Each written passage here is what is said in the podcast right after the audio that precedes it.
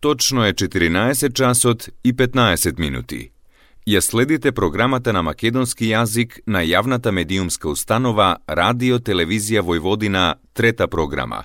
Емисија Македониум.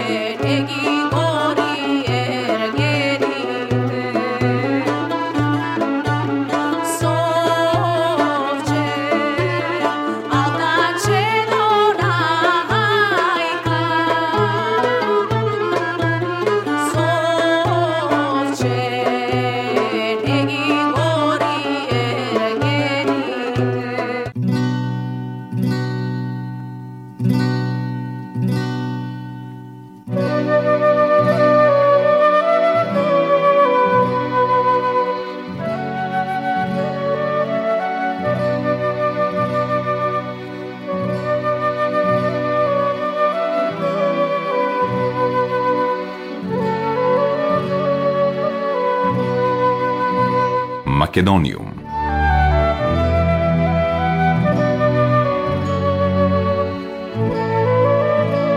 Добар ден и добре дојдовте во најновото издание на емисијата Македониум. Со вас, почитувани слушатели, е вашиот уредник и водител Јулијана Милутиновиќ, секоја среда со почеток во 14 часот и 15 минути на фреквенцијата на третата програма на радиото при Радио Телевизија Војводина, Радио Нови Сад. Во денешното издание на емисијата Македониум ни гостува македонскиот музичар Филип Шурбевски Чорба, кој оваа година со неговиот квартет Езгија слави 10 години на сцената. Со Филип, кој по вокација е класичен музичар-тимпанист, кој работи во македонската опера и балет, зборувавме се разбира за чалгиската музика. Иако Филип е по локација класичар, свири и народна музика. Која музика од народната Филип сака да ја свири? Народна е нашата македонска народна, значи ново компонована, а, али не да го кажеме да го крстам тоа турбо фолк или таква работа. Значи зборам македонска музика наша. Така да и а, CD-то ми е извадено со македонска традиционална чалгиска музика. Тоа е исклучиво како што се свирило на времето. Не со принеси на нешто модернизирање или и звукот е направен како од времето чалгијата ми беше мене секогаш како иако ја свирам народна музика, народна, значи а, ново компоновани, староградски, македонски, тоа исто ми е фах, али ова ми беше паралел и секогаш сум сакал да направам нешто за да оставиме, иако сме ние некоја не сме толку млади, ама пак помлада генерација од тие, за да оставиме нешто за епте младите да видат дека да го вратиме овој звук. Овој звук да се врати за да видат и младите дека како било некош и можам да кажам како треба. Не како што се изведуваат сега, некој сепак не имаме некој корен, некоја традиција, која треба да се негувата. Е затоа ми беше идеја, веќе составот го имам, веќе годинава правиме јубилеј 10 години. А, ја негувам исклучиво чалгијата со дечкиве кои се повикани, мислам, кои свириме во квартетот. А, инспирација ми беа а, старите наши а, чалги, кои са, да кажам, нормално таа природна селекција веќе не не функционираат. И сватив дека уште а, пред 10 години дека треба да се направи нешто пошто е осетив дека е во изумирање. Е за да за да не биде во изумирање, да не се навратам да се на муабетот, го направивме за да оставиме нешто. Нешто да оставиме за младите генерации. Специфичен звук, специфично свирење, но тоа е наше, македонско. Македониум. Филип исто така ни кажа колку младите генерации го разбираат ова што тие го работат.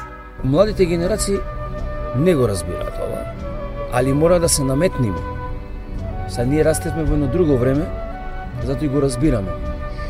Али сега ова, ова, овие генерации не растат во тоа време. Све тоа е YouTube, тоа модерно нешто ова. Затоа го правиме, малце тешко ни оди. Тешко ни оди за концерти, за ова. Али се ратуваме со еден збор, како да кажам, ратуваме за да го донесиме што повеќе. Значи, ако не повикаат, пример, за некој коктел, пример, за некој во некој ресторан каде што сак, многу е добро прифатено.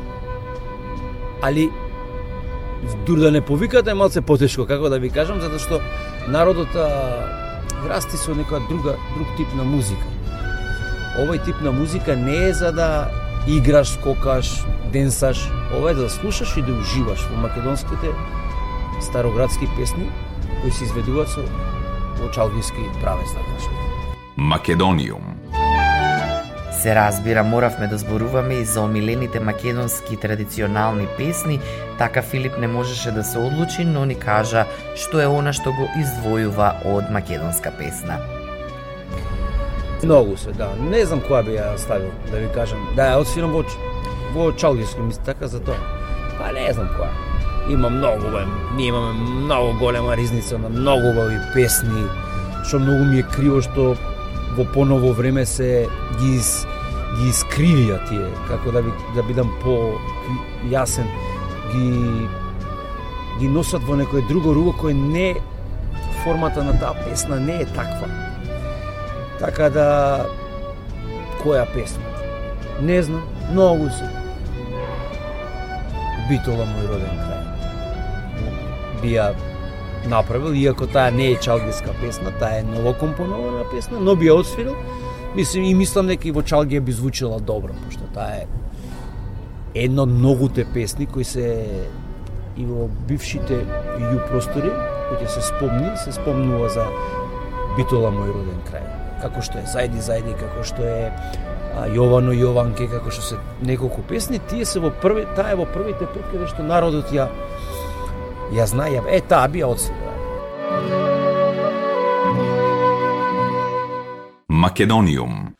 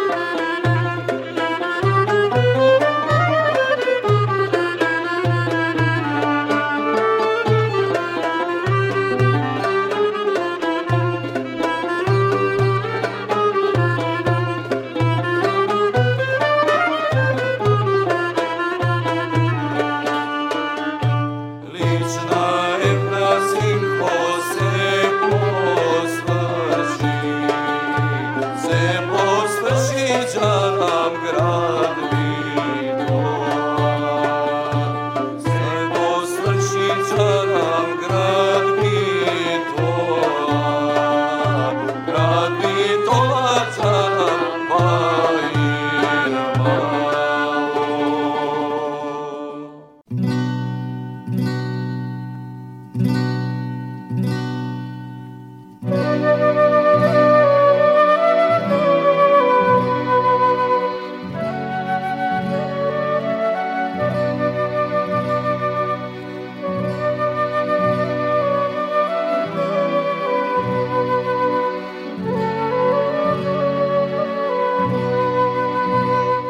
Македониум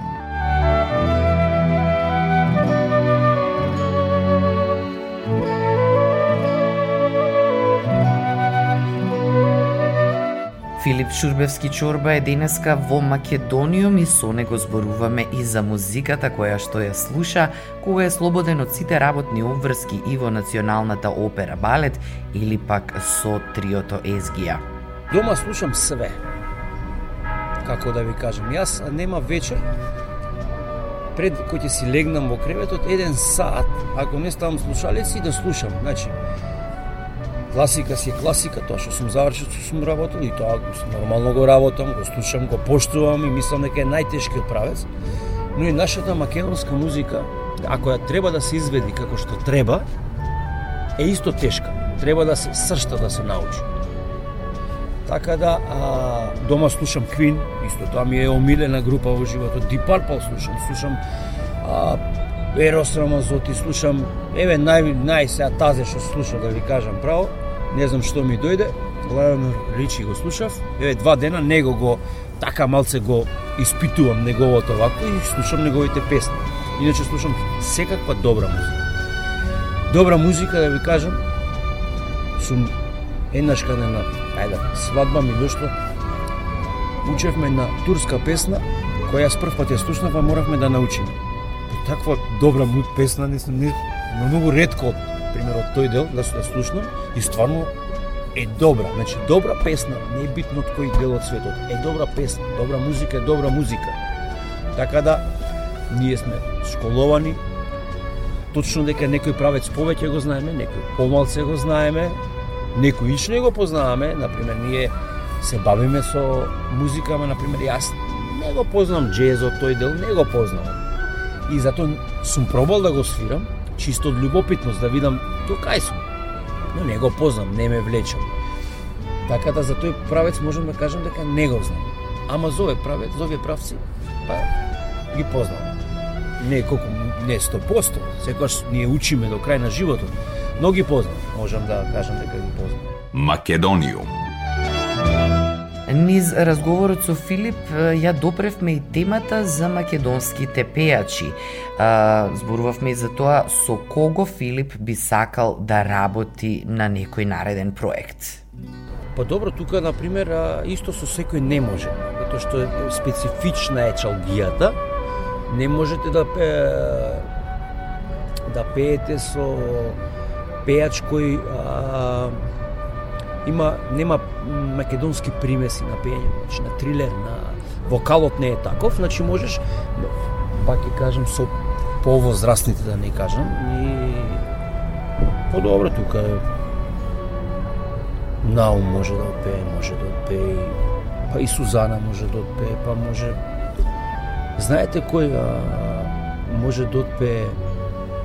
Веќе ептен возрастен е човекот, Круме Спасовски чалгија може да отпее, иако е човекот во години, така да можеме со него, со сите тие што се по малце вакво. Младите не гледам не не пеат баш. Турбо фок поише пеат, како да ви кажам, поише се на тоа. Не ги укривувам. Така се движи светот. Тука а, нашле екзистенција музиката е тоа мораш да работиш и кај што ќе земеш, кај што ќе се прераниш, нормално. Тоа не ги гледам, не гледам како они дека прават нешто лошо.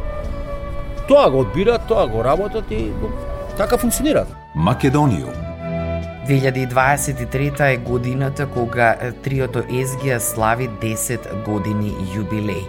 Нешто повеќе ни кажа и за овој проект. 10 години јубилеј. Настана многу брзо. Мислев дека колегите што ги што се со мене дека ќе речат Добро бе, друга рајде, направивме нешто не ме, ама мама гледам и они сака да го работат. Еве 10 години правим, имаме отсвирено околу 50 концерти. Не се тоа многу кој ќе земите во 10 години. Али за овој мал простор, да кажам за овој мал простор како Македонија, па и не се лошо. Имаме до Њујорк отидено, имаме до Истанбул отидено, И таму бевме прифатени феноменално. Поготово во Истанбул.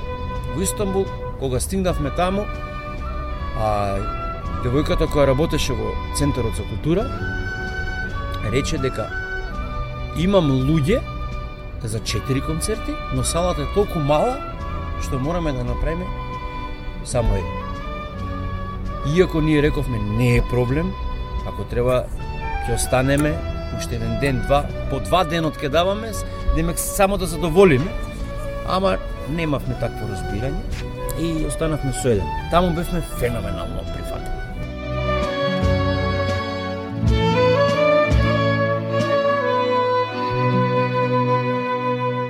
Македониум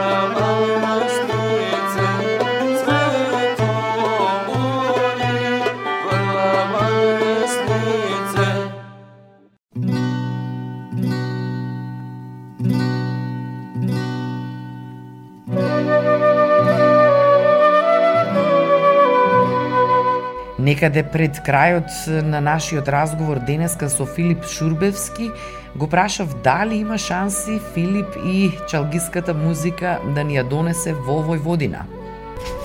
Уф, тоа многу би сакал. Многу би сакал кога би би имала покана некаква, кога би имал некаква си некој да ме покани да ме побара, со задоволство би дошол. И знам дека таму има и македонци, многу, и знам дека ќе им биде убаво да слушнат македонската музика, но а, ова е толку добра музика што на сите до им се допаднала.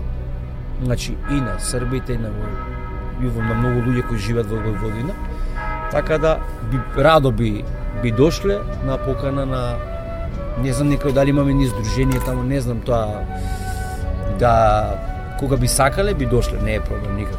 Дури би одржали повеќе концерти ако има народ, ако има ова, значи не е проблем за од страна наша за свирење. Македониум